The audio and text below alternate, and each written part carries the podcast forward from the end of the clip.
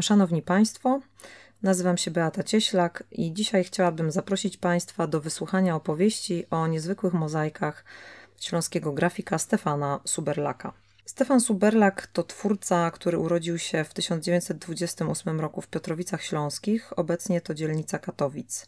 Czas II wojny światowej spędził jednak na Rzeszowszczyźnie, skąd pochodzili jego rodzice. Po wojnie rodzina Suberlaków wróciła na raz już opuszczony Śląsk do Katowic. W 1948 Suberlak podjął studia w katowickim oddziale Państwowej Wyższej Szkoły Sztuk Plastycznych we Wrocławiu. Dyplom obronił w 1952 roku na Wydziale Grafiki Krakowskiej Akademii Sztuk Pięknych w Katowicach w pracowni profesora Aleksandra Raka. W tym samym roku został członkiem Związku Polskich Artystów Plastyków. W latach 1955-1965 wykładał grafikę i malarstwo w ognisku plastycznym w Katowicach. Wśród jego uczniów byli m.in. Rudolf Riedel, Jan Nowak, Józef Rockstrach, później znani i rozpoznawalni śląscy twórcy nieprofesjonalni. Rudolf Riedel, zaprzyjaźniony ze mną artysta, wyznał mi, że Suberlak był serdeczny, komunikatywny, w prosty sposób objaśniał tajniki linorytu. Zdaniem Marka Mesznika, jednego z najwybitniejszych znawców sztuki współczesnej na Śląsku, na przełomie lat 50. i 60. XX wieku, Stefan Suberlak wraz z Marianem Maliną byli czołowymi reprezentantami grafiki polskiej. Suberlak znany jest przede wszystkim jako twórca baśniowych grafik, głównie litografii, linorytów, drzeworytów, najczęściej o tematyce wiejskiej, inspirowanej urodą ukochanej rzeszowskiej ziemi, chociaż także rzadziej jednak wywodzących się z intymnego życia Śląska. Piotr Naliwajko, znany chorzowski artysta, wspomina, że na ASP krążyła legenda o Suberlaku. Grafik tak umiłował sobie technikę litografii, że ponoć nosił w plecaku ciężkie kamienie litograficzne, zwykle po dwa, będące matrycą odbijanych prac.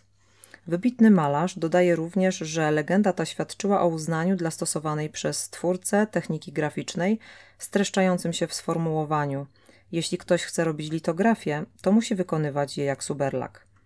Jednak dzisiaj chcę opowiedzieć o kilku zachowanych dekoracjach Suberlaka zdobiących budynki śląskich miast, przede wszystkim kolejowych dworców, w dużej mierze do grafiki nawiązujących, być może zachęcając Państwa tym samym do odwiedzenia tych miejsc.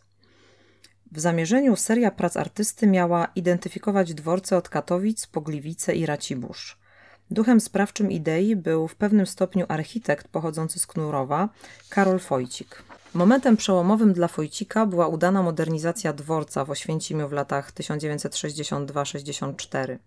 Dzięki temu zleceniu architekt miał otwartą drogę do podobnych przedsięwzięć w regionie, a co za tym idzie wprowadzania do nich współczesnych akcentów plastycznych. Alicja Gzowska pisała, że Wojcik chętnie współpracował z Suberlakiem, który na jego zlecenie, przy pośrednictwie pracowni sztuk plastycznych w Katowicach, wykonywał czarno-białe dekoracje w technice z grafita. Zazwyczaj były to kompozycje na ścianach poczekalni lub lokali w modernizowanych budynkach o tematyce związanej ze śląskim regionem, jego kulturą i obyczajami. Zrealizowano je na przykład na dworcach w Katowicach Piotrowicach, Katowicach Ligocie, Raciborzu i Zabrzu. Bez wątpienia to odważny projekt w trudnych czasach, lecz ocalały zaledwie nieliczne. Jedna z nieistniejących dekoracji na dworcu w Zabrzu mieściła się w restauracji na piętrze. Zachował się projekt mozaiki wykonany dla dworca w Łaziskach Górnych. Inna, szczęśliwie ocalała, zdobi budynek dworca kolejowego w Katowicach-Ligocie i znajduje się na zapleczu apteki Zdrowit.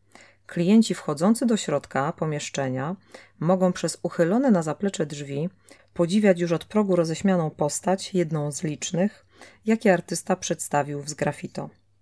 Praca pokrywa całą ścianę, jest czarno-biała i nawiązuje do tak ulubionej przez twórcę techniki graficznej. Z grafito znajdujące się na zapleczu apteki przedstawia korowód postaci będących w drodze, jeden z ulubionych motywów artysty. Sześć postaci prowadzonych przez baranka skocznym krokiem i z uśmiechem na ustach wędruje w beztroskim tanecznym pochodzie na tle miejskiego pejzażu fabrycznych kominów, kopalń, hut. Postaci zdają się jednak opuszczać wielkomiejską rzeczywistość i udają się przed siebie, oddalając się od życiodajnej dla człowieka przestrzeni, zapewniającej wprawdzie byt i utrzymanie, ale jednocześnie zgubnej, niszczącej bowiem ukochaną przyrodę.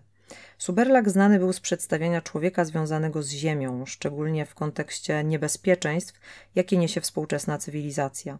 Bohaterami z grafita są tu góral, tym razem w odświętnym stroju, z charakterystycznymi dla góralskiej estetyki zdobieniami na spodniach w postaci parzenic, następnie para górali trzymająca się pod rękę, na co wskazywałby ich strój, dalej górnik w odświętnym stroju i czapce z pióropuszem ze ślązaczką oraz zamykający orszak roztańczonych postaci sam artysta, co sugerowałaby trzymana przez niego teczka na grafiki z napisem Suberlak. To swego rodzaju symbioza rzeczywistości wsi rzeszowskiej ze światem śląskim, między którymi twórca zdaje się stawiać znak równości. W pewnej równowadze i harmonii trzy postaci od lewej reprezentują wieś, trzy od prawej miasto. Czynnikiem spajającym te dwie zdawałoby się na pozór nieprzystające do siebie przestrzenie z pewnością mogłaby być tak bliska i jednym i drugim praca, jej śląski idiom i etos. To być może jedyna taka apteka na Śląsku, kryjąca we wnętrzu jednoobrazową galerię sztuki. Szkoda, że nie może być szerzej udostępniona, zarazem wspaniale, że zostało ocalone unikatowe dzieło. Druga z zachowanych prac znajduje się w budynku dworca kolejowego w Katowicach-Piotrowicach, gdzie od 2014 roku ma swoją siedzibę Teatr Żelazny.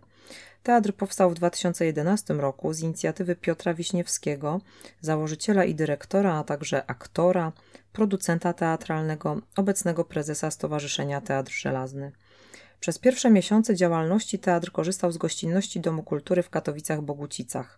Potem siedzibę znalazł w Katowicach-Ligocie, gdzie funkcjonował jako przestrzeń twórcza stacja Ligota i Teatr Żelazny.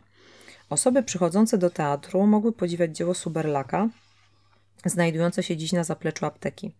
Oprócz sali teatralnej działała tam również kawiarnia Cafe PKP, przyciągająca okolicznych mieszkańców, głównie artystów. Ponadto organizowano tam wernisaże, wystawy, jam session, a także spotkania autorskie. Teatr Żelazny odwiedzają znani aktorzy, a od 2013 roku patronat honorowy nad nim objął Krzysztof Globisz.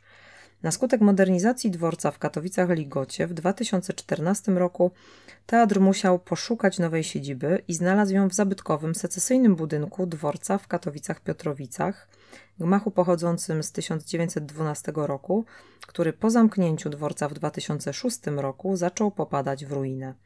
Obiekt posiadający z grafitu artysty pełnił wówczas funkcję lokalnego wysypiska śmieci i miejsca bytowania osób bezdomnych, aż w końcu przeznaczony został do rozbiórki, czego jednak udało mu się uniknąć. Dzięki działaniom Teatru Żelaznego wykonano wiele prac remontowych. Ocalono również dzieło Suberlaka. Zachowane oraz odnowione może cieszyć oko przybywających na spektakl gości. Podobnie jak dekoracja dworca w Katowicach-Ligocie i ta Piotrowicka powstała w technice czarno-białej. Kompozycyjnie dzieło przedstawia drzewo, pars prototo jednego z ulubionych przez artystę motywów, jakim jest las. W owe drzewo twórca wpisuje uniwersum. U dołu w konarze zaznaczony został niejako przekrój wnętrza ziemi. Po środku drzewa, które jest jednocześnie centralnym punktem z grafita, pulsuje industrialne miasto z dymiącymi kominami hut i szybami kopalń, niczym maleńkie serce bijące rytmem fabrycznych maszyn. Korony drzewa, a zarazem zwieńczenie obrazu stanowią góry, z pewnością element zapamiętanego krajobrazu Rzeszowszczyzny, choć może także Beskidów. W jeden ze szczytów wpisana jest głowa gospodarskiego zwierzęcia, pewnie krowy, której oko góruje nad wszystkim.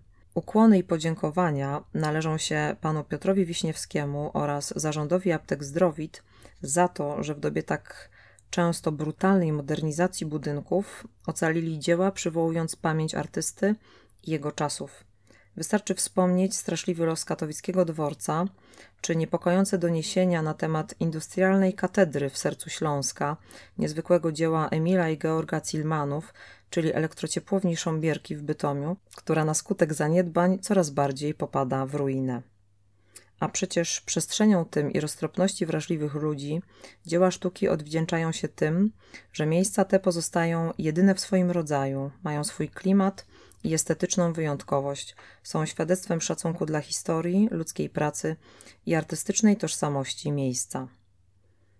Wśród ocalałych dzieł Stefana Suberlaka, wykonanych na lub w budynkach, jest też niedworcowa mozaika przedstawiająca w tanecznym kręgu ślązaczkę, kolejarza, górnika i muzykanta.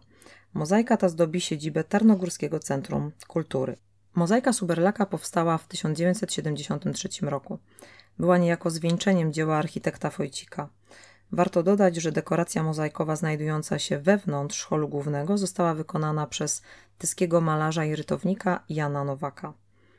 Budynek obecnego Tarnogórskiego Centrum Kultury, istniejącego i mającego tutaj siedzibę od 1998 roku, został poddany kolejnej odnowie w 2009 roku. Szczęśliwie elewacja wyremontowana została z zachowaniem mozaiki i usytuowania przeszkleń. Tarnogórska mozaika to dzieło szczególne w twórczości artysty. Tym razem bowiem historia opowiedziana została kolorem i oddana w potłuczonych kaflach przywołujących ekologiczny, nieestetyczny idiom sztuki Gaudiego. Górnik i kolejarz kojarzą się z pracą na Śląsku tradycyjną. Są też ślązaczka i muzykant. Te postaci wiążą się z inną ważną śląską sferą domem, rodziną, muzyczno-tanecznym wytchnieniem po pracy, radością życia. Postać kolejarza to oczywiste odwołanie do Domu Kultury Kolejarz, którego wówczas budynek stanowił siedzibę, oraz z pewnością do ważnego znaczenia kolei dla Tarnowskich Gór, jako istotnego węzła kolejowego w skali Śląska i kraju. Górnik to rzecz jasna odniesienie do zabytkowej kopalni srebra, w 2017 roku wpisanej, o czym pewnie nie śnili nawet zleceniodawcy mozaiki, na listę obiektów światowego dziedzictwa UNESCO. Postać muzykanta, grającego na instrumencie dętym, odsyła do istotnego komponentu śląskiej kultury, jakim jest muzyka. Zaiste Śląsk to muzyka. W Tarnowskich Górach kolejowa orkiestra dęta powstała w 1922 roku. Obecnie w Tarnogórskim Centrum Kultury siedzibę ma 11 chórów. I rzecz jasna Ślązaczka. Kobieta uosabiająca fundamentalne dla Śląska wartości związane z rodziną, umiłowaniem ładu, spaja wszystkie istotne czynniki składające się na szczególny obraz tej krainy. To ona czekała przez wieki na rolnika, górnika, hutnika, kolejarza, muzykanta, malarza, grafika, twórcę mozaik, na mężczyznę, który wraz z nią, zawsze twórczynią, a od wieku XX i artystką, tworzy Śląsk otwarty na przyszłość.